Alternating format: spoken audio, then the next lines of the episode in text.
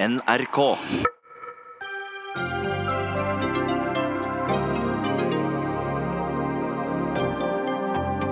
På tide med republikk, mener Bergens Tidende. Ikke pga. Märtha Louise og sjamanen, men fordi kronprinsen har uttalt seg om kraftkabler til utlandet. Han gjør bare jobben sin, svarer Minerva-redaktør. Vi trenger en mer helhetlig oppfølging etter terrorhandlinger, viser en ny rapport. Hvorfor har ikke ofrene etter 22.07 fått alt det de trenger av hjelp? Hvordan kan en bok bli totalt forbigått i offentligheten, for så å vinne en viktig pris? Eller bli nominert til Bragepris, men ikke innkjøpt av bibliotekene, eller til bibliotekene? Er det rene tilfeldigheter som styrer i norsk bokbransje? Og tre kandidater konkurrerer om presidentvervet i Norges idrettsforbund. Søndag blir det klart hvem som går seirende ut, men først møtes de til debatt.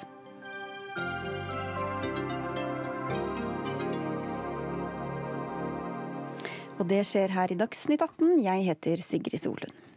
Ut fra de siste dagers hendelser kan det virke som om monarkiet står i fare for å vakle pga. turneen til prinsesse Märtha Louise og sjamankjæresten hennes. Men det broren hennes, Håkon, sier og gjør, er mer problematisk for kongehuset enn sjamanen, skriver Bergens Tidende på lederplass. I et intervju med den tyske avisa Der Spiegel har nemlig kronprinsen svart på flere spørsmål knyttet til klima- og energipolitikk, og deriblant snakket varmt om norske kraftkabler til utlandet.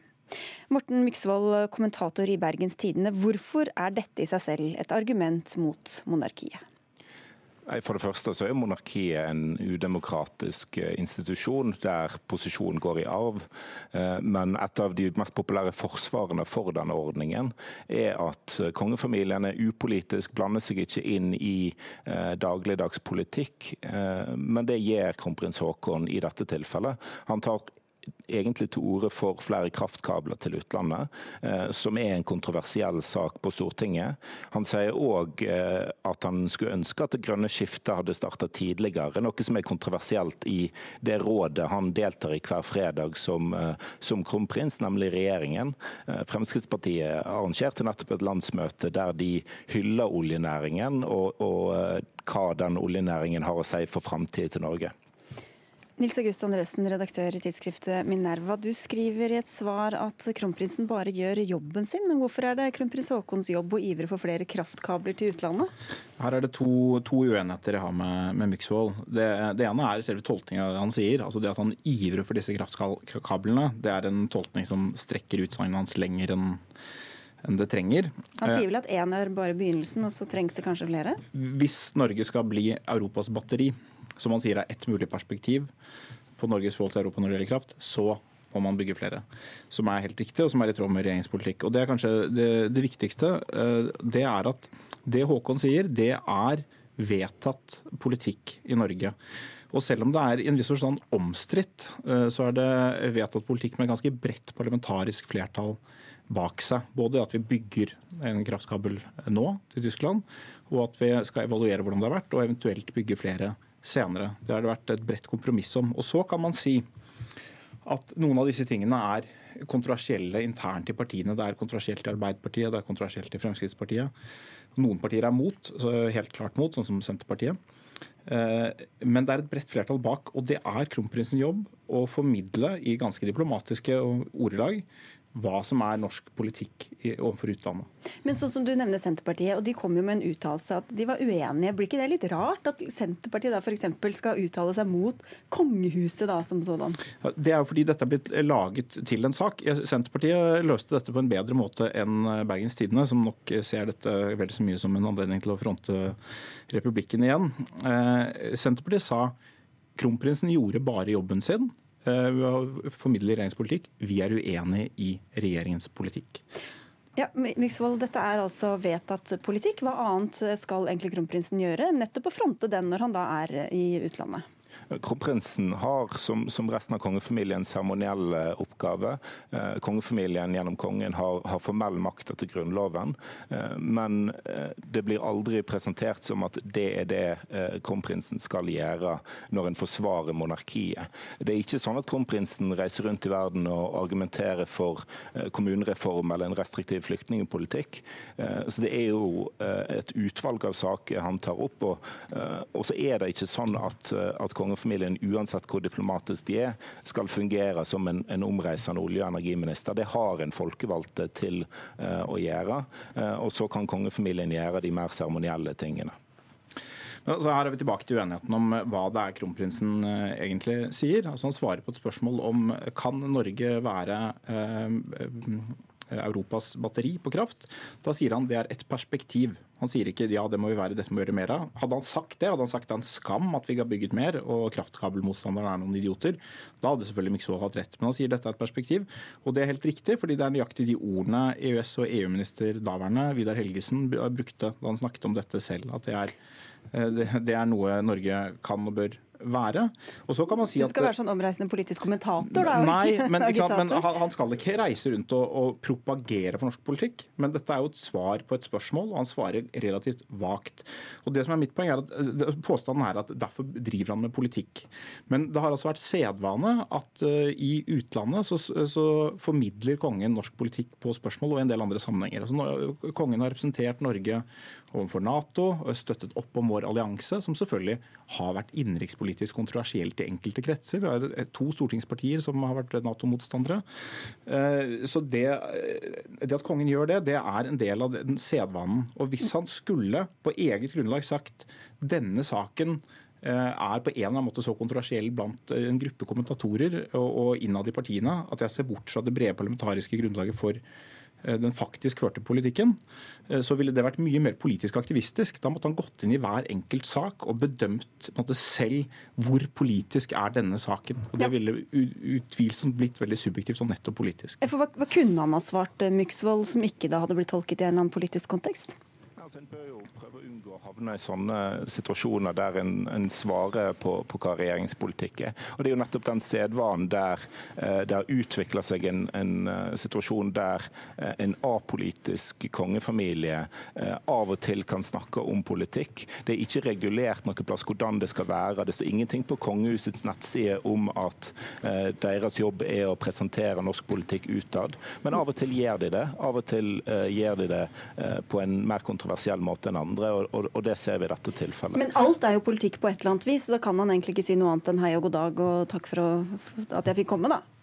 Ja, på en måte. Og når vi holder oss med et udemokratisk statsoverhode, så bør det være klare begrensninger på hva de skal eh, forholde seg til. Altså, dette er personer som eh, ikke stemmer i valg fordi de eh, ikke vil blande seg inn i, i, den politiske prosessen. Flere av de har til og med uttalt at de ikke har stemmerett, noe som ikke eh, stemmer. Men det å reise til utlandet og, og argumentere eh, og, og, presentere regjeringens politikk, det er tydeligvis innafor. Det, det er et problem, da. Altså, det, det, er jo greit at Myksvold mener dette er et problem. Bergens Tidende mener det er et problem. Bergens Tidende mener det er et problem. Eh, men eh, så, så, som sagt så er dette en vanlig praksis på flere felt. Er, men at nå er det vanlig praksis, nei, nei, nei, er det et argument i seg selv? Ja. Altså, og I mange tilfeller så vil veldig mange av oss være enige at det er akseptabelt. Altså Kongen holder en nyttårstale som inneholder noen punkter som kongen mener er viktig. De er innenfor en bred norsk konsensus, men han velger selv sin vektlegging. Så det, det at på en måte, kongen er 100% og totalt upolitisk, og det er forutsetningen for at han kan kunne være en monark, den mener jeg ikke holder. og det, har, det er ikke den vi har praktisert, og det er ikke den som har den brede oppslutningen det har. Et eksempel på en tale kongen holdt for, for tre år siden, var jo denne hvor han snakket om at nordmenn, eh, nordmenn tror på Gud, nordmenn tror på Allah, nordmenn tror på ingenting. Som ble veldig mange hyllet som en viktig tale for å gjøre kongen også til muslimenes konge. Han var fra før av kommunistenes konge. Uh, og viktig for å skape et samhold. Og så er det selvfølgelig noen som var uenig i det. Uh, mange som mente, men, men, men den type rolle er innenfor det den brede konsensusen som støtter monarkiet, Men hvor, mener hvor, hvor, hvor, går mellom, ja, hvor går grensen da mellom hva som er en aktuell sak, og hva som er problematisk? Kunne han uttalt seg om bompenger, eller hvor går den grensa egentlig? Ja, så selvfølgelig så må medlemmer i kongefamilien ha en viss fingerspitzgefühl. Eh, og man kan alltids diskutere om, om den er overtrådt i dette tilfellet. Jeg mener at hvis det er brede parlamentariske grunnlag for noe. Og hvis det berører utenrikspolitikk, som tradisjonelt er regjeringens domene, og han uttaler seg om det i utlandet, og, og, og saken angår altså da norske kabelavtaler med, med Tyskland, som selvfølgelig berører energipolitikk og klimapolitikk, men som i hovedsak er utenrikspolitikk, så er det innenfor det som har vært normalt. Eh, og Så kan man selvfølgelig alltid lure på om kongen og kronprinsen burde tenkt at nå sitter det noen republikanere borti Bergen som kommer til å hoppe i stolen, og noen Bjørgurs Brånen og noen andre som har vært opptatt av disse kraftkablene, som kommer til å bli sinte. Og Kanskje de burde tenkt på det, men eh, jeg syns det er talende at Senterpartiet, som er den klareste motstanderen av disse kraftkablene, de har hadde forståelse for at kronprinsen kronprisen uttalte seg i tråd med det som er sedvane det handler jo ikke om kraftkablene. Den, den, store forskjellen mellom disse talene er at i, i intervjuet med Der Spiegel så går kronprinsen inn i en relativt detaljert beskrivelse av norsk energipolitikk. I, i nyttårstalene eh, så eh, går en inn og, og, og, snakker om ting som er ganske grunnleggende verdier som er nedfelt i Grunnloven. Det er ganske stor forskjell på å holde en tale om, eh, som er mot rasisme, for religionsfrihet, for ytringsfrihet, enn å gå inn i antall kraftkabler til utlandet. Og det er ikke kraftkablene eh, standpunktet han lander på. Eh, det hadde vært like problematisk om, om han fronter en, et annet syn eh, på kraftkabler. Det er det at han går inn i det temaet eh, som er problematisk. og Det, det føyer seg inn i en rekke av flere andre hendelser som, som kongefamilien har gjort. Kronprinsen takker selv ja til å bli med i et næringsutvalg mm. under Trond Giskes styre av Næringsdepartementet i 2010. Og trakk seg fra det etter hvert. Vi må, bare, vi, vi må avslutte, Morten Myksvold. Jeg, jeg skulle gjerne sagt at kronprinsen kom kommer for å utdype i debatten i kveld om både kraftkabler og andre ting. Det gjør han dessverre ikke, men det blir like fullt en debatt der om monarkiets framtid, altså på NRK1 2125. Tusen takk skal dere ha begge to, Nils August Andresen og Morten Myksvold. Dagsnytt 18 alle hverdager klokka 18.00 på NRK P2 og NRK2.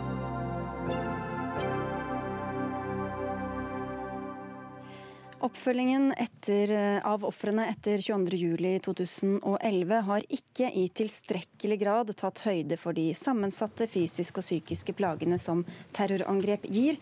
Det viser en ny forskningsrapport. Rapporten har sett på de ofrene som lå på sykehus etter terrorhandlingene. Mange av dem sliter fortsatt med både psykiske og fysiske plager.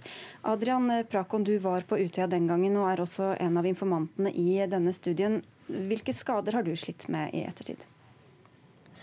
Um, I hovedsak så har det vært uh, ganske mange uh, fysiske uh, utfordringer med å ha vært nylig operert og, og, på en måte mistet en, en stor del av skuldermuskulaturen, som har hindret meg litt i hverdagslivet. Og det er også da i tillegg til de psykiske påkjenningene som, som ganske kraftig posttraumatisk stress har eh, gitt. Og Når du ser tilbake, hvordan vil du vurdere den oppfølginga du har fått eh, i disse årene? Det har vært en uh, reise i seg selv. Altså, Den umiddelbare oppfølgingen på sykehuset var selvfølgelig ganske god og effektiv, altså på det fysiske. Men jeg ble spurt av en sosionom når jeg ble tatt inn på sykehuset om jeg trengte noe videre hjelp, og på daværende tidspunkt Eh, ønsket jeg bare å komme hjem, så jeg takket nei til det. Men eh, når jeg kom hjem så, og, og, oppdaget at dette kom til å bli ganske tungt og vanskelig, så spurte jeg om å få hjelp, og det eneste jeg hadde å forholde meg til da, var fastlegen. Og det tok flere måneder før eh, jeg kom inn i et system som kunne hjelpe meg videre med, med å begynne å bearbeide det her. Og det er klart, det, det opplevde jeg som at det tok for lang tid. Marianne Løstad, psykolog og fagsjef i psykologi mm. ved Sunnaas uh, sykehus. Vi har jo hørt tidligere også at det, mm. har, at det har vært, virket litt vilkårlig hva slags hjelp man har fått, eller vært fragmentert, og noen har fått veldig bra oppfølging, andre ikke. Uh, hvor typisk er denne historien vi hører her om, for de funnene dere har gjort? Jeg syns jo det Adrian løfter fram er konsekvensen av å både ha fått vært utsatt for en veldig traumatisk psykologisk hendelse og blitt skadd i den samme hendelsen. Og det er jo de pasientene vi har undersøkt i vår studie. Det er de som ble sykehusinnlagt etter terrorhendelsene både på Utøya og regjeringskvartalet.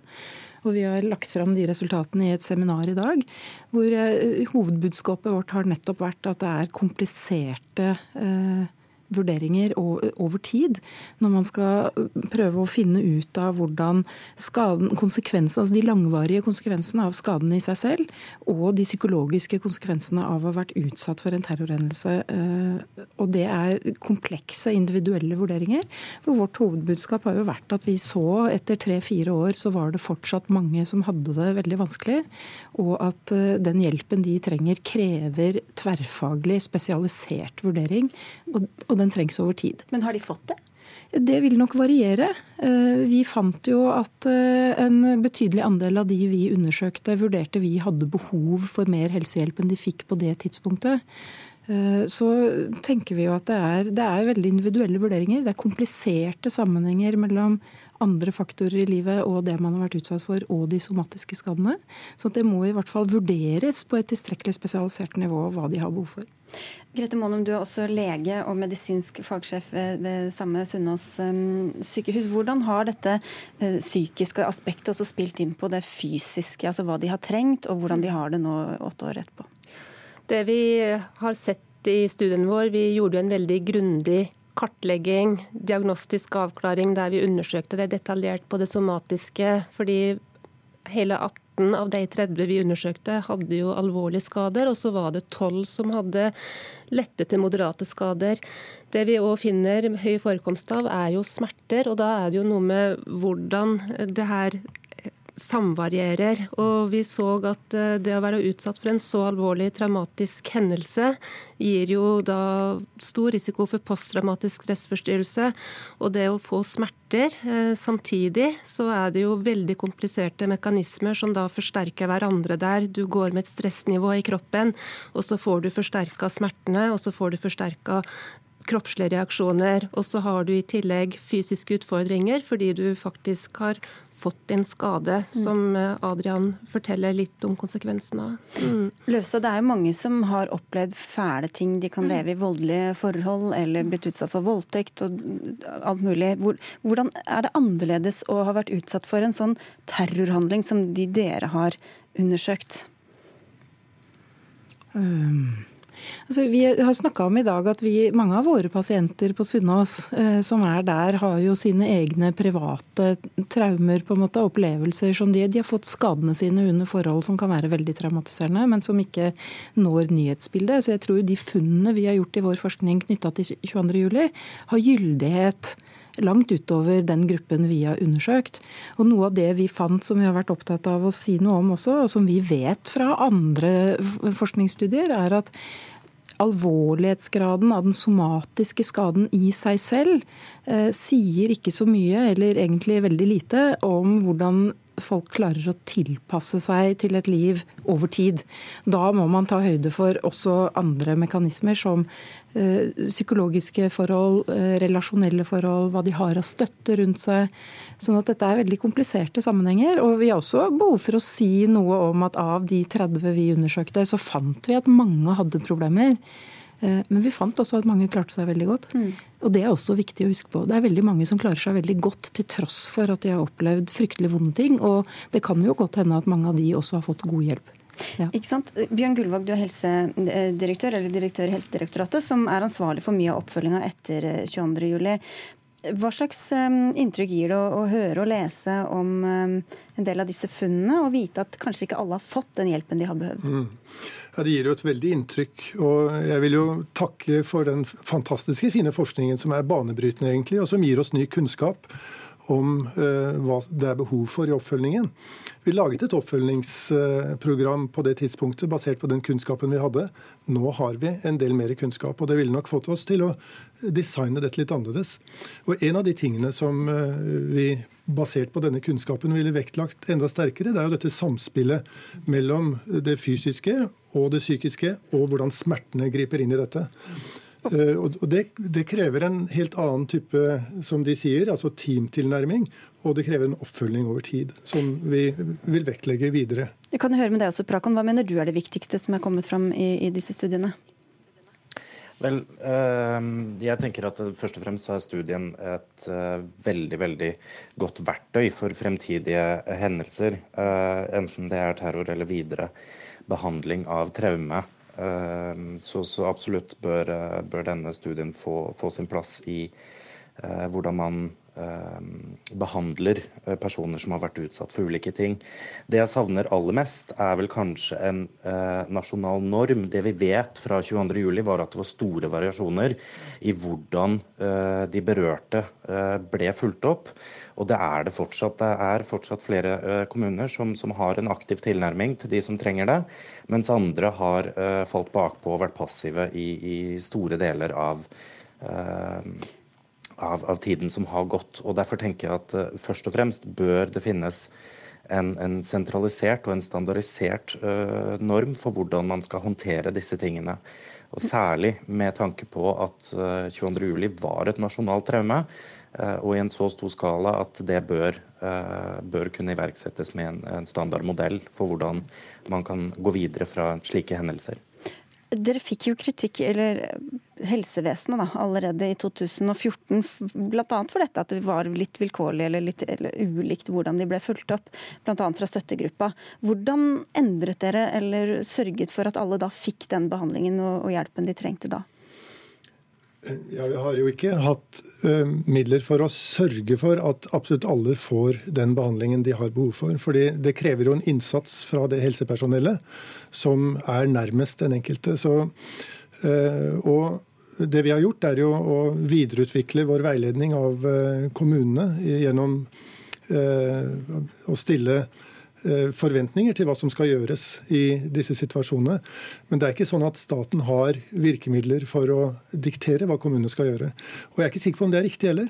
Eh, jeg tror vi må ha tillit. Så denne normen han snakker om, det tror ikke du jo, er vi, god men vi har, jo, vi har jo de normene. Eh, men det, og det hadde vi for så vidt også på, i oppfølgingen etter 22.07. Så det, var jo, det fantes jo en veileder, og det fantes også eh, noen retningslinjer fra direktoratet om hvordan dette skulle gjøres. Mange kommuner valgte å fravike det. Mm. Sånn at eh, her, Vi har jo bygget opp eh, helsetjenesten i Norge slik at det er Eh, kommunene som i stor grad bestemmer hvordan dette skal gjøres i førstelinjen. Og det, det, er jo noe sunt i det også, fordi eh, de skal bruke sin lokale kunnskap for å finne de beste løsningene. Men vi erkjenner jo at her har det vært for stor variasjon. Mm. Og noen har fått veldig bra hjelp, hører vi også. Um, Monum, hva tror du kan være det viktigste lærdommen å ta med seg etter disse funnene, også hvordan man kan, gud forby, hvis noe slikt skjer igjen, hjelpe de utsatte best mulig? Jeg tenker at eh, betydningen av å forstå hvor komplekst det er. Eh, og som rehabiliteringslege så er jeg veldig opptatt av en diagnostisk avklaring for å kunne ta stilling til prognose og hva som påvirker funksjon. Og i prosjektet vårt så samarbeider vi jo tett med anestesileger fra smerteklinikk på OUS, Oslo universitetssykehus. Og de jobber òg tverrfaglig, sånn som vi gjør i rehabilitering. Og da er det jo akkurat det der med å skjønne betydningen av at ting tar tid, eh, og at en hele tida må holde øynene oppe for å se hva er det som som påvirker funksjon. Eh, og så er det jo litt kravene du stiller til deg sjøl, kravene du blir stilt til overfor av samfunnet, som er litt i takt med en type forventning. Eh, og hvis en tenker at her har vi en gruppe som har vært utsatt for et stort traume, så vil ting ta tid. Eh, og behovet da for en tverrfaglig, men òg oppfølging over tid, tenker jeg er viktig kunnskap. Og det kommer nå. Gullvåg?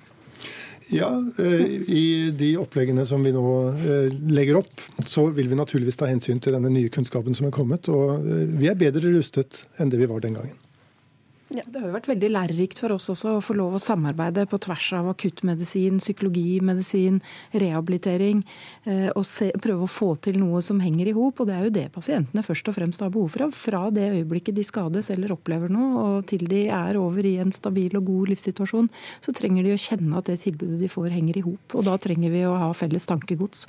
Jeg synes også det er veldig flott at eh, land som New Zealand, som har opplevd noe av det samme, kan eh, høste fra våre erfaringer. Og Det er eh, fantastisk å se. Da får vi håpe at det kommer noe godt ut av det. Og si tusen takk til dere alle fire. Grete Monum, Marianne Løvstad, Bjørn Gullvåg og Adriane Prakon.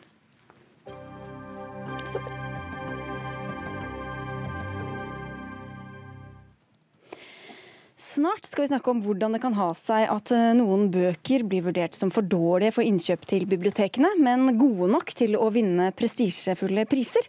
Hva foregår bak lukkede dører hos juryer og komiteer i bokbransjen, spør vi etter litt. Men først til en eh, lenge varslet avgang, må vi vel kunne si, som fortsatt ikke har skjedd. I Storbritannia er det ventet at statsminister Theresa May vil annonsere avgangen sin i nærmeste framtid. Etter nederlag på nederlag er altså avskjeden eh, på trappene. Kanskje Kanskje sier hun alt i morgen at hun vil eh, trekke seg. Og det gjør hun i så fall for å komme et mytteri i forkjøpet, sier du Jan Erik Mustad, du er førstelektor ved Universitetet i Agder. Og hvem er disse mytteristene? Nei, Dette er jo partimedlemmer i det konservative partiet uh, som har lagt press på Teresa May nå i flere måneder for å få henne til å trekke seg. Uh, de uh, de, de, skapte et mistillitsforslag i desember som hun så vidt overlevde. Uh, og etter desember så har det jo egentlig stort sett bare gått nedoverbakke for Theresa May. Hun har tapt tre avstemninger på denne brexit-avtalen i Underhuset. Og eh, disse seniorene i det konservative partiet mener altså at eh, det ikke er noe mer å hente. Hun har kjørt seg fast i dette sporet med denne avtalen sin, og ber hun nå trekke seg for at de skal få en ny statsminister altså en ny partileder og en, en, statsminister på plass så fort som mulig. Og Hva er det venta at hun kommer med når hun da, eller hvis hun da varsler eh, avgangen sin? Ja, jeg tror vi må både si hvis og nå, som du, som du, sa nå. fordi at I morgen skal hun ha et møte med lederen for 1922-komiteen. og Det er denne komiteen som overser valg av ny partileder i Det konservative partiet. Det er en komité som består av de som sitter på de bakre benkene for Det konservative partiet i Underhuset, altså de som ikke er med i regjeringen. Eh, og eh, Dette møtet eh, begynte egentlig i går, men så var det da EU-valg e i dag. og Dermed så skulle Theresa May ut og, og drive valgkamp for partiet partiet sitt i dag, og dermed så utsatte de møtet til i morgen. Mm. Og Der er det nok forventa at det blir annonsert en eller annen form for tidsplan for å regissere avgangen til Theresa May. Men det er jo sånn at hun kan ikke gå av i morgen, fordi at eh, partiet må gjennom en lederskapskamp. og Det vil ta opptil fire-fem uker å få det på plass, avhengig av hvor mange kandidater som hiver seg inn i den kampen. Ja, la oss snakke litt om det. Kristina mm. Solli Ekstedt, du er tidligere rådgiver i Underhuset for konservative parlamentarikere. Hun har ikke engang sagt at hun går av før vi spekulerer i hvem som skal eh, overta. Eh, det heteste navnet er jo en mange kjenner godt, Boris Johnson. Hva er hans sjanser, tror du, for å overta? Eh, jo, eh, Boris er jo helt klart favoritten. Eh, det handler jo om at han er ekstremt populær blant eh, grasrota, som det heter. Han er derimot ganske sånn hatet eller elsket blant empiene. Og i denne prosessen Empiene, nå er det internsjargong her. De konservative representantene i House of Commons, da. Og i denne lederkampanjen så vil jo først stortingsrepresentantene velge to finalister som de sender ut til partiet. Blant sine egne, eller? Eh, blant de kandidatene som kommer mm. frem. Mm. Så det skjer i to stadier. Og derfor så vil han må være såpass populær blant sine egne stortingsrepresentanter for å komme til den finalerunden. Men kommer han til den, og det da er det brede partiet som skal stemme, så er det veldig stor sjanse for at han vinner. Fordi den allmenne konservative medlemmet der er han, der, I den sjiktet er han kjempepopulær. Men Kan de se bort fra ham, da, selv om ikke de liker ham så godt? Det er jo mange uh, argumenter, og det handler om stemmene. De stemmer jo på favoritten sin, og hvis han ikke får mange nok stemmer, så kommer han jo ikke med til finalerunden. Mm. Og hvem andre er det som er i de mest uh, hete kandidatene? Uh, jeg vil jo synse altså det er jo, Alt kan jo skje i britisk politikk om dagen, men at det blir en brexiteer, altså en som har stemt for brexit i avstemningen 2016, det er ganske stor sannsynlighet for. Og da er de to andre kandidatene um, Michael Gove og Dominic Raab, um, som jeg tror kan være hete kandidater. Mustad, hva får det å si for både for partiet og for brexit og hele det politiske bildet hvem som blir hennes etterfølger? Nei, det kan jo ikke gjøre noe annet enn at statsministeren blir bytta ut. Eh, parlamentets sammensetning er jo det samme. Eh, det må det gjøre et nytt parlamentsvalg til å endre. Så vi er jo litt spente på hva en ny person eventuelt vil kunne tilføre denne prosessen.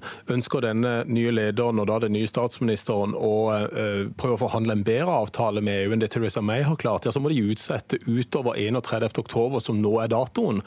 Eller vil de prøve å oppløse parlamentet og gamble på at det konservative partiet partiet får et flertall, f.eks.?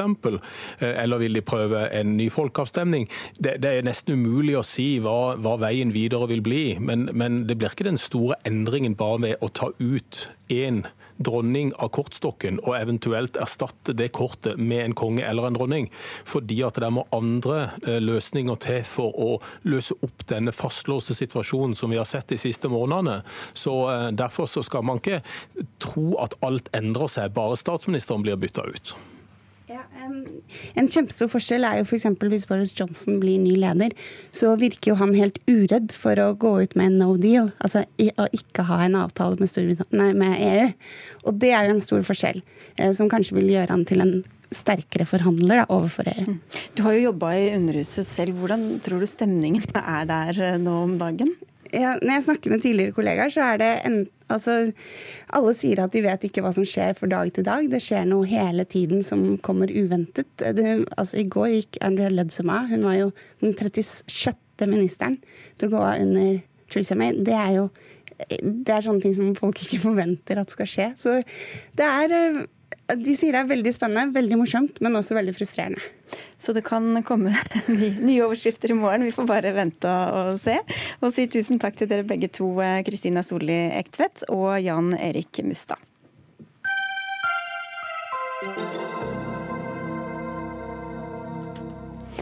Har stormet rundt Norges idrettsforbund de siste årene, og idrettspresident Tom Tvedt har fått kritikk for høye reiseregninger og hemmelighold. Likevel ønsker han gjenvalg, og søndag blir det klart om han får fortsette, eller om en av de to utfordrerne tar over. Mange er spente på hvem som skal lede landets største organisasjon med nesten to millioner medlemskap. Da du ble valgt, eh, Tom Tvedt, i 2015, så var det ved akklamasjon. Sånn er det altså ikke nå. Nå er det valgkamp. Og vi gir deg og snart dine to motkandidater her i studio 30 sekunder på å fortelle hvorfor akkurat du bør gå av med seieren. Kom igjen. Ja, Først og fremst fordi at jeg har veldig lyst til å lede denne fantastiske organisasjonen. Jeg er en samlende president. Jeg har stått i en storm som har vært krevende for norsk idrett, som jeg er lei meg for grasrota. Men jeg har jobba 25 år for funksjonshemma, utviklingshemma. Jeg er for et universelt samfunn. Og jeg er ikke minst eh, det vi har levert på 1 milliard mer til grasrota, til klubbene våre. Og i tillegg til det så har vi levert de beste toppidrettsresultatene noensinne. Nå for gått norsk idrett. Kjempe, ja, det var veldig bra eh, beregna. Da skal vi få første utfordrer her, eh, Svein Molleklev. Du er også presidentkandidat. Du har bred erfaring fra både idrett og frivillige organisasjoner. Og du er den som valgkomiteen gjerne ser at eh, skal lede altså norsk idrett framover. Vær så god.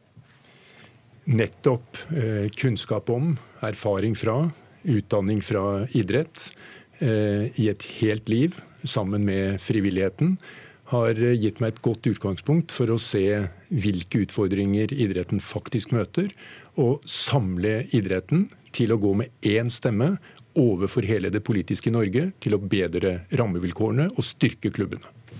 Ok, det var dine 30 sekunder. Da er det din tur, Berit Kjøll. Du er kjent fra mange roller i norsk næringsliv, bl.a. 30 år i Norske Turistforening. Du ble lansert av Håndballforbundet. Hvorfor er du den rette til å lede? Jeg har mer enn 30 års eh, tung ledererfaring fra norske bedrifter på toppnivå. Jeg har sittet som styreleder i Den norske turistforening i seks år. Jeg trekker mange paralleller til idrettsbevegelsen i det arbeidet. Eh, I tillegg så har jeg hatt en fot innen idretten, både i forhold til aktiviteter, styreverv, Rytterforbundet, Skiforeningen og aktiv utøver på mosjonistnivå. Men jeg må bare si det at jeg brenner for bevegelsen, og jeg ønsker å tilføre positiv energi og eh, entusiasme inn i norske idrettsbevegelsen. Ok, takk skal dere ha, alle tre. Det er ikke jeg som skal bestemme her, men uh, her fikk vi liksom glansbildene. Tom Tvedt, du sa at du har lyst, men hvorfor skal du få fornyet tilbud, til, tillit etter alt det rabalderet som har vært? Og hvor valgkomiteen da, komiteen åpenbart ikke syns at du var den beste egna? Eh, først og fremst fordi at eh, jeg har dokumentert resultater eh, i de fire årene jeg har vært president. Vi leverer ca. 1 milliard mer penger til norsk idrett. Som jeg sa, vi har toppresultater. Ja, du trenger ikke ta alt det om igjen, da. Jeg er nok en av de som eh, kjenner norsk idrett fra bredde til toppen best eh, i Norge. Jeg har en toppidrettserfaring selv som utøver. Jeg har jobba med funksjonshemma, og jeg har okay. vært ute i breddeklubbene. Men, men, men hvorfor tror du da at valgkomiteen ikke valgte deg? Nei, Det må du spørre valgkomiteen om. Men det er helt klart at etter over 10 000 negative oppslag rundt den diskusjonen som du sier at jeg har hatt høye reiseregninger Jeg eh, har lagt altså. fram 25, 25 000 kvitteringer har vi lagt ut. Det handler om reiseregninger, alle kvitteringer til norsk idrett. Jeg har valgt som en samlende president å stå i fronten på det. At jeg får kritikk for det, det har jeg forståelse for. Men jeg som leder har stått gjennom dette. Jeg har rydda opp, og dette er nå på plass. Sven Mollekleiv, er du enig i Tom Tvedts eh, historiefortelling?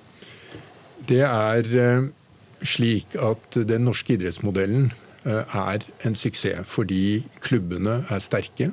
Fordi særforbund og idrettskretser fungerer godt. Fordi det, den idrettsbevegelsen er den største folkebevegelsen i verdens mest frivillige samfunn. Dette er velfungerende så er det slik at eh, norsk idrett har hatt godt av å bli utfordret på større åpenhet for å skape eh, tillit. Eh, og at den prosessen man har vært gjennom, har vært bra både for idretten og for samfunnet. Og Da handler det om hvordan vi nå kan bygge opp en tillit som gjør at et samlet politisk Norge har lyst til å hjelpe oss med at alle skal få forutsetninger til å kunne være med og delta i idretten. Så det, Tom Tvedt har ikke vært god nok på de politiske prosessene, er det det du sier mellom linjene her? Jeg sier at det å ha en god relasjon mot det politiske Norge uh, gjennom å være helt åpen på dilemmaer, på utfordringer og på feil, er en forutsetning for å kunne få støtte. Eh, det får andre vurdere, men jeg tror det er på tide å eh, få eh, et skifte av lederskap som gjør oss i stand til å starte med å videreutvikle den norske idrettsmodellen. Det er kanskje ikke så lett å få tak på hva som egentlig er forskjellene mellom dere, Kjøll. Du kan jo prøve, prøve å forklare det selv? Jeg tror dette handler veldig mye om et tydelig og kraftfullt lederskap, med hvor man har en sterk fokus på gjennomføringsevne. Og jeg må bare si at det er så mye mye positiv utvikling i idrettsbevegelsen, i kretsene, i særforbundene. Så bør Tomtvedt få fortsette, da, når han har gjort det så bra? Jeg sier Det er så mye positivt rundt forbi, og jeg tenker at man har fått, uh, fått så mye juling nå den siste perioden, så det at man nå står overfor et skift, og velger å skifte ledelse, eller skifte mannskap, det tror jeg hele norske idrettsbevegelsen er tjent med. Og der tenker jeg at med min bakgrunn og min offensivitet og min evne til å få med meg folk, skape begeistring og entusiasme, entusiasme kan være med og gjøre en forskjell. Og Jeg tenker, jeg har vært rundt nå, snakket med, tatt kontakt med samtlige 54 særforbund og eh, alle idrettskretsene. Og det er så mye positivitet ute i klubber med foreldre som kjører og henter og vaffelsteking, og trenere som ikke får betalt, og også får betalt. Og jeg tenker Hele denne bevegelsen fortjener å skinne så mye mer enn det den gjør i dag. Og her tenker jeg at alle skal med, enten er du kommer derfra eller herfra, og uavhengig av økonomi. Her kan jeg bidra. Men Du sier at det har vært så mye negativ oppmerksomhet. Men hvordan skulle man ha ryddet opp eh, uten å nettopp åpne opp og få den oppmerksomheten om det som kanskje ikke var så verdt å, å snakke om også? Ja, Eller altså, ikke skinte så bra, da, som det du snakker om. Ja. Jeg har igjen lyst til å si at det er under alt det negative som har preget eh, idretten, og det har jo vært i forhold til Norges idrettsforbund. Det er jo det som har ødelagt omdømmet. Eh, hvis du går under det og ser på alt det positive som skjer rundt omkring, så er det det som må opp og frem. Og da tenker jeg at det å skifte mannskap, ha en tydelig ledelse på toppen som tenker åpenhet, inkludering og få styret som kollegium og jobbe godt med uh, rolleforståelse inn mot hele idrettsbevegelsen. Her er det mye positivt å hente. Ja, kanskje Tom Tvedt, at det, det er ikke noen vei utenom at man må ha et skifte for å gjøre noe nettopp med det omdømmet? Ja, først og fremst er det 20 år siden idretten gjenvalgte sin ledelse. Det er jo en utfordring som idretten har. Så reagerer jeg jo når man beskriver her at idretten har et ødelagt omdømme. Vi har fått 1 million milliard kroner mer eh, fra eh, eh, spillemidlene. Vi har fått øke inntektene overalt. Vi har økt markedsinntektene. Vi har 93% av alle barn som driver i våre 11 500 klubber. Å si at omdømmet er ødelagt, Det tar jeg sterk avstand fra. Vi skal bygge dette stein på stein, og det er der ute blant våre klubber det er der denne veksten ligger, og det er der tilliten er. Og jeg ønsker fortsatt å lede dette som jeg har gjort. Det var veldig bra når Toril Vidvei var der. Da var det ro. Jeg har veldig gode samtaler med Trine Skei Grande. Og så tar jeg eh, kritikken på det som skjedde og vi rydder opp i. Men jeg har valgt som leder å stå i spissen for norsk idrett og ta det ansvaret. Den du ikke nevnte var da Linda Hofstad Helleland. Var kanskje henne du hadde i tankene da, eller hva, Målklein?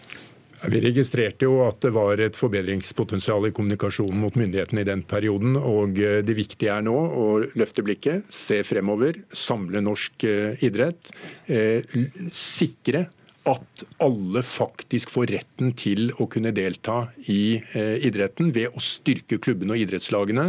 For det vi ser nå, er at ulikheten i det norske samfunn er i ferd med å utvikle seg. Idretten er en utrolig viktig faktor til å greie å åpne opp for dette, men da kan det ikke være slik at noen holdes utenfor pga. manglende økonomi eller andre barrierer. Det er dere sikkert enige om helt på tampen her, Kjøll. Du har blitt beskrevet som en uredd og åpen eh, leder i din stil. og du sier selv du er veldig offensiv. Er det det idretten trenger nå, eller er det litt mer sånn dempe stemninga og få litt ro? Nei, Her står man jo overfor et veivalg. Jeg tror at det er så mye positivitet i denne idrettsbevegelsen som jeg akkurat har snakket om, at det å få den opp og frem og få den til å skinne, der tror jeg at jeg kan utøve en ledelse som er tydelig og som er eh, handlekraftig og eh, med en sterk gjennomføringskraft. Og det tror jeg idretten trenger. Vi, har, altså, vi lever i en digital tid. Vi må ikke glemme det. Jeg har bakgrunn fra digitale virksomheter. og det å tilføre det moderne lederperspektivet her, det tror jeg, men på idrettens vis, vel å merke. Jeg tror ikke man skal være redd for min lederprofil. Den er kjent for å være, eh, den er kjent for å være veldig rolig og okay. god. Ok, ja, jeg skjønner. Ok, Mollekleiv helt på tappen. Det er viktig med kunnskap om idrett. Kunnskap om frivillighet for å gjøre de riktige tingene riktig, og for å greie å treffe med gode, konkrete tiltak i samspillet med myndighetene, næringslivet, men også med det øvrige sivilsamfunn.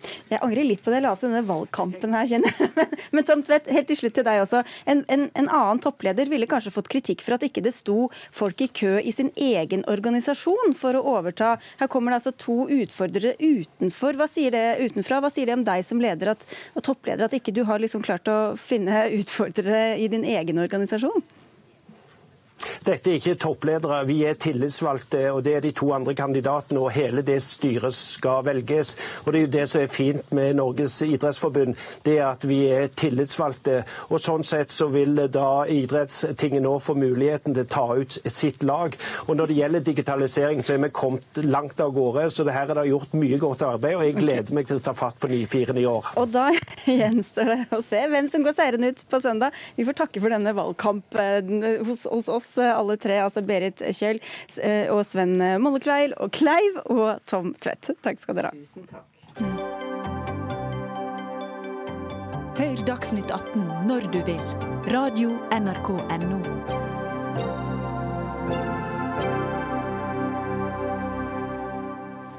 Hva skjer i norske juryer og komiteer som gir priser til og kjøper inn norsk sakprosa? Hvordan kan en bok som Helene Uris 'Hvem sa hva?' vinne Bragepris, men ikke bli kjøpt inn av Kulturrådet?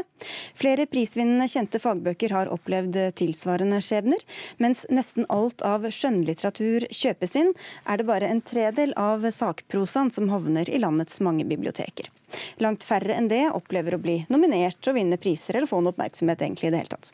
I flere innlegg i Prosa og Aftenposten så lurer du på hvordan disse systemene egentlig fungerer, forfatter Simen Sæther. Hva var det som fikk deg til å stille de spørsmålene? Det altså når det sitter én komité og, og, og peker ut dette var de beste bøkene i Norge i fjor. Og så sitter det en annen komité og peker ut, som også skal se på, uh, vurdere ut fra kvalitet. Og de kjøper inn over 100 bøker. Og de mener at disse samme to bøkene ikke er blant de, beste, eh, eh, blant de 100 beste i det hele tatt. Så lurer jeg på hvorfor er det sånn? Altså, hvordan kan to forskjellige komiteer komme til så ulike konklusjoner? Og Hvilke kjente og populære bøker er det som er blitt uh, vurdert da, så ulikt av disse ulike juryene og komiteene? Det er bl.a. begge Brageprisvinnerne i fjor. Um, Og jeg har forstått Et annet eksempel som også uh, fascinerte meg, er jo boka til um, Geir Hestemark, som ble refusert av tre forlag. Um, et fjerde forlag de tilbød å gi ut boka hvis Hestemark betalte for det. Og så, like etter det, så, så ble da den boka kåra til en av de fire beste norske sakprosabøkene uh, etter år 2000. Så da lurer jeg på liksom, hvordan er det mulig? Hvordan er det mulig? Vi har invitert både Brageprisen og Kulturrådet, og det finnes jo også andre priser som, ut, som, deles ut. Du var inne på en her. Ingen av dem kunne komme. Men du har erfaring både fra Bragejury og innkjøpsutvalget. Marius Wulfsberg, du er litteraturanmelder i, i Dagbladet. Hvordan er det sånn da at bøker kan bli vurdert så ulikt av forskjellige mennesker? Mm. Kanskje først bare si litt om forskjellen mellom Brage-juryer og innkjøpsutvalget til Kulturrådet.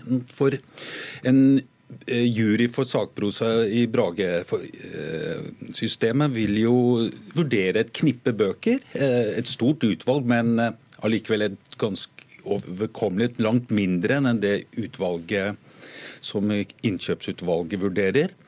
Og så er jo Målet med Brageprisen for juryens arbeid å nominere tre bøker som da et utvalg anonyme lesere, såkalt elektorat, skal gi sine stemmer til. Og så skal vi sitte igjen med en vinner. For å eh, gi pris til norske bøker og styrke interessen for norsk skriftkultur. Det er liksom hensikten med Brageprisen.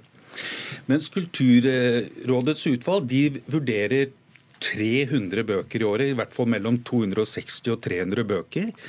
Og de skal, Det er en selektiv ordning i betydning at de skal kjøpe inn et, omkring en tredjedel av bøkene, som du nevnte innledningsvis. Og eh, Målet her er ikke at noen vinner en pris, eller liksom, men at dette skal styrke norsk offentlighet, samfunnsdebatten.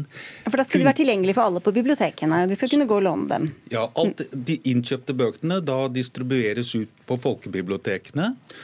Og skal, eh, har da et mål om å være, gi kunnskap og til samfunnsdebatten. Okay. Så, så, når det er helt ulike kriterier som ligger til grunn, så er det kanskje ikke så veldig rart at de kommer til forskjellige konklusjoner? Altså, det er ikke helt ulike kriterier. Altså, eh, hvis de hadde gått ut og forklart at det er helt forskjellige ting vi ser på, så, så kunne man ha vurdert sånn. Men poenget er det er jo ikke det. Altså, I bånn for begge tingene eh, ligger eh, kvalitet. Eh, og så er det sånn, Jeg prøvde å spørre. Det var eh, åtte bøker i fjor som ble nominert til Brageprisen i to klasser. Eh, fire av disse ble ikke innkjøpt. Ehm, og det er umulig å se noe mønster i, i det. Og Jeg har prøvd å spørre, eh, og da kom man til at eh, de vil ikke svare. Ja, For du sier det er lukket og gåtefullt, hele dette systemet? Det er lukka og gåtefullt. Um, og, um, og, jeg tenker at man kanskje ikke skal være så redd for å, å, åpne seg, da. En ting er at de som kårer Bragevinneren, det, er, de er anonyme, da. De, de, skal ikke, eh, de, skal ikke, stå fram. Så det skal være helt hemmelig hvem de er. Så vi vet på en måte ikke hvem som har stått for disse eh, subjektive vurderingene. Eh, og vi vet heller ikke hvilke bøker de har vurdert, for det er også hemmelig. Mm. Og vi vet heller ikke hvilke bøker de har gått inn selv og ønska å vurdere. Det er også hemmelig. Og så er det de som kjøper inn bøker. Og, og, de nekter også å kommentere. Ja, ikke sant? Så, og dette er jo bare for å si det, dette er viktig både med tanke på inntekter og, og, oppmerksomhet både for forlag og forfattere. Så hvorfor er det ikke mer transparent og åpent hvordan de forskjellige vurderer det? Altså, det er forskjell da, for eh, Brageprisen springer ut av det, den norske bokprisen, som er knyttet til Forleggerforeningene og forlagene og Forfatterforeningen. Det er mange eller medlemmene. Hvordan de håndterer det, de er jo ikke underlagt la oss si, liksom et offentlighetslov på samme måte som Kulturrådet. Eh, Kulturrådets innkjøpsutvalg har et såkalt dialogmøte. Det er jo offentlige penger som brukes på, så der er det vel noen og regler. Og alle påmeldte titler er offentlig tilgjengelig, og alle innkjøpte og avslåtte eh, titler er offentliggjort. Men begrunnelse følger ikke med? Begrunnelse følger ikke med, men altså jeg har sittet i det utvalget og ledet det. Det er arbeidskrevende. Eh, å tenke seg at man skulle begrunne innkjøp og avslag 300 titler, da begynner vi å snakke om en stor arbeidsbyrde det er vanskelig å gjøre ved siden av. Og jeg vet heller ikke om det å begrunne dette kort vil liksom gjøre at folk sa å ja, nå skjønner jeg, ja, nå er jeg enig i innkjøpsutvalgets vurderinger. Altså, altså jeg tenker at uh, Det er to ting her. Da. En ting er at uh, Hvis man kan begrunne noe godt uh, internt, så kan man også, da kan som regel de begrunnelsene også gjøre seg bra eksternt. Så jeg tror ikke man skal være så redd for det likevel. Men en annen ting er jo på en måte når det kommer fram saker der man på en måte skriker etter en forklaring Hvorfor, hvorfor, kjøpte dere ikke inn begge Bragevinnerne? Og det er flere prisvinnerbøker som ikke er kjøpt inn. Da tenker jeg, da kunne man tenkt ok, da svarer vi i alle fall på det. Ja, for Da slipper man jo også alle mulige spekulasjoner om personlige antipatier og sympatier hos jurymedlemmene osv. Ja, um man kunne kanskje svart på det eh, på bakgrunn av notater. Man, eh, lederen av innkjøpsutvalget kunne kanskje svart på det på bakgrunn av notater gjort under møtet, eller Kulturrådets representanter kunne gjort det. Eh, men det er da det er ikke liksom fordi det, vi har nære bånd til forfatterne som blir kjøpt inn, og ikke til de som blir avslått. Det er virkelig ikke sånn. Det er habilitetsretningslinjer i Kulturrådet som er offentlig tilgjengelig. Eh, og det, det, det, handler ikke om det, det handler vel om Kanskje litt om tradisjon, hvordan dette har blitt gjort, og litt om arbeidsbyrde og hva det vil eventuelt disse begrunnelsene ville føre til.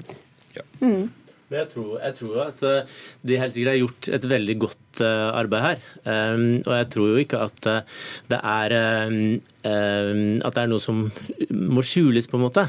Uh, men jeg vil jo det beste for uh, litteraturen, at, uh, at, man skal kunne bidra til mer kvalitet. Og da tenker jeg at en form for begrunnelse, en form for deltakelse i debatt kunne vært positivt. Men er det ikke det beste for litteraturen at flest mulig bøker får oppmerksomhet? Sånn at hvis noen kommer til, frem til den boka og andre til den, er, er det i seg selv bedre for litteraturen som helhet enn at det bare er de samme tre bøkene som går igjen og kjøpes inn og hedres overalt? Jo, det er veldig bra. Men samtidig så, så er jo disse systemene avhengig av en eller annen type sånn, eh, legitimitet. Hvis alt fremstår som veldig sånn underlig, gåtefullt og tilfeldig, så er jo ikke det heller bra for eh, litteraturen. For da vet man heller ikke hva kvalitet er. da. Nei, men det er ikke så veldig tilfeldig, Simen. Altså, det er to titler som har vunnet Brageprisen og Kritikerprisen, som ikke har blitt kjøpt inn av eh, utvalget til Kulturrådet fra 2012 til i dag. Også ganske mange flere nominerte. Men... Også hvis man ser på nominerte, blir det flere. Men det jeg Og så er det i tillegg vinnere av Kritikerprisen, av Språkprisen og av uh, forleggernes altså. Det er nok priser, i hvert fall. Men... ja, men det er jo ikke så enhetlig. Men kan jeg bare si det? Jeg skulle ja, veldig, veldig kort. Jeg skulle ønske vi istedenfor å diskutere sånne titler og avgjørelser, heller diskuterte at budsjettene må øke, slik at flere bøker kan kjøpes inn. Og det er dere helt sikkert enige om, men derfor kan vi ta den debatten en annen gang. Tusen takk skal dere ha begge to. Simen Sætre, som altså er forfatter, og Marius Wulfsberg, som er nå litteraturanmelder i Dagbladet.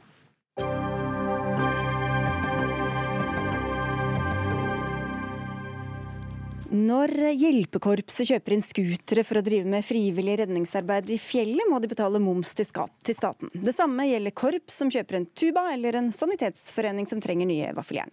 I forrige uke foreslo derfor Arbeiderpartiet, SV og Senterpartiet en regelendring som skulle sikre de frivillige organisasjonene lavere momsutgifter. Men regjeringa stemte imot. Og dette er ikke til å tro, skriver du i en ytring på nrk.no, Stian Slåtterøy Johnsen.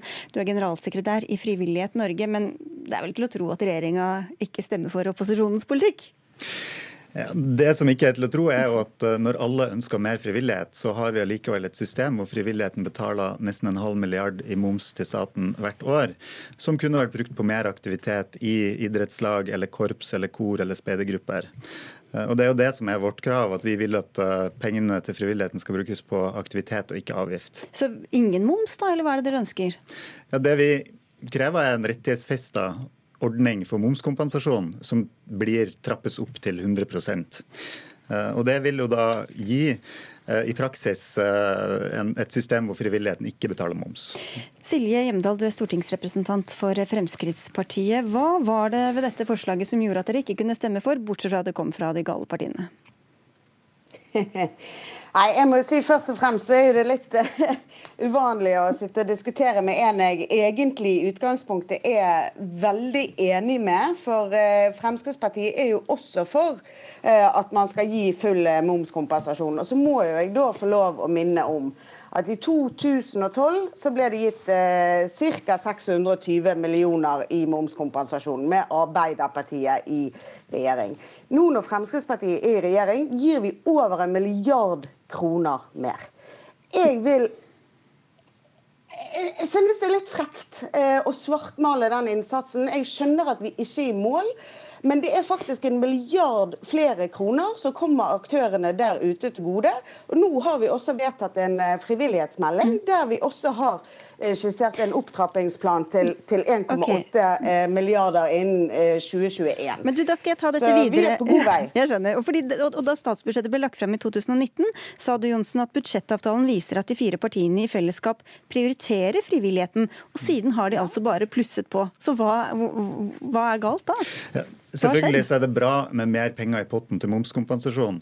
Men hvis aktiviteten i frivilligheten øker, så betyr det likevel at den enkelte organisasjon kan få mindre momskompensasjon. Og Det er jo pga. det systemet vi har, hvor du eh, ikke vet hvor mye du vil få. Og Derfor ønsker vi en rettighetsfesting. Eh, det blir som å planlegge sommerferien uten at du vet hvor mye du får i mm. feriepenger. Eh, så det er vanskelig og lite forutsigbart for frivilligheten. Hjemdal, du minte om noe i stad. Jeg skal minne om noe selv. For dere i 2013 Eh, hadde da en merknad til de rød-grønne statsbudsjett, hvor det sto at Fremskrittsparti Fremskrittspartiets primære syn i denne saken er at det bør etableres en rettighetsstyrt ordning der frivillig sektor fritas for momsutgifter fullt ut. Og så stemmer dere mot forslaget. Ja, så stemmer dere mot forslaget når det kommer. Men nå sitter vi i regjering, og det er ikke sånn at Fremskrittspartiet får gjennomslag eh, i absolutt hver eneste sak, selv om jeg skulle ønske det.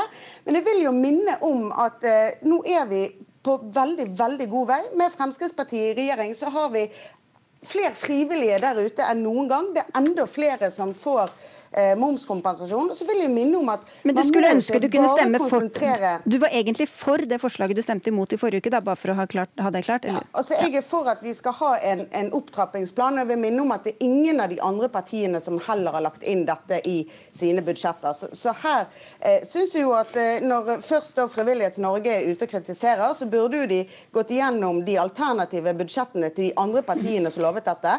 For ikke ett av disse partiene har lagt inn disse pengene i budsjettene. Det syns jeg er direkte frekt. Og så vil jeg minne om at frivilligheten er mye større enn det.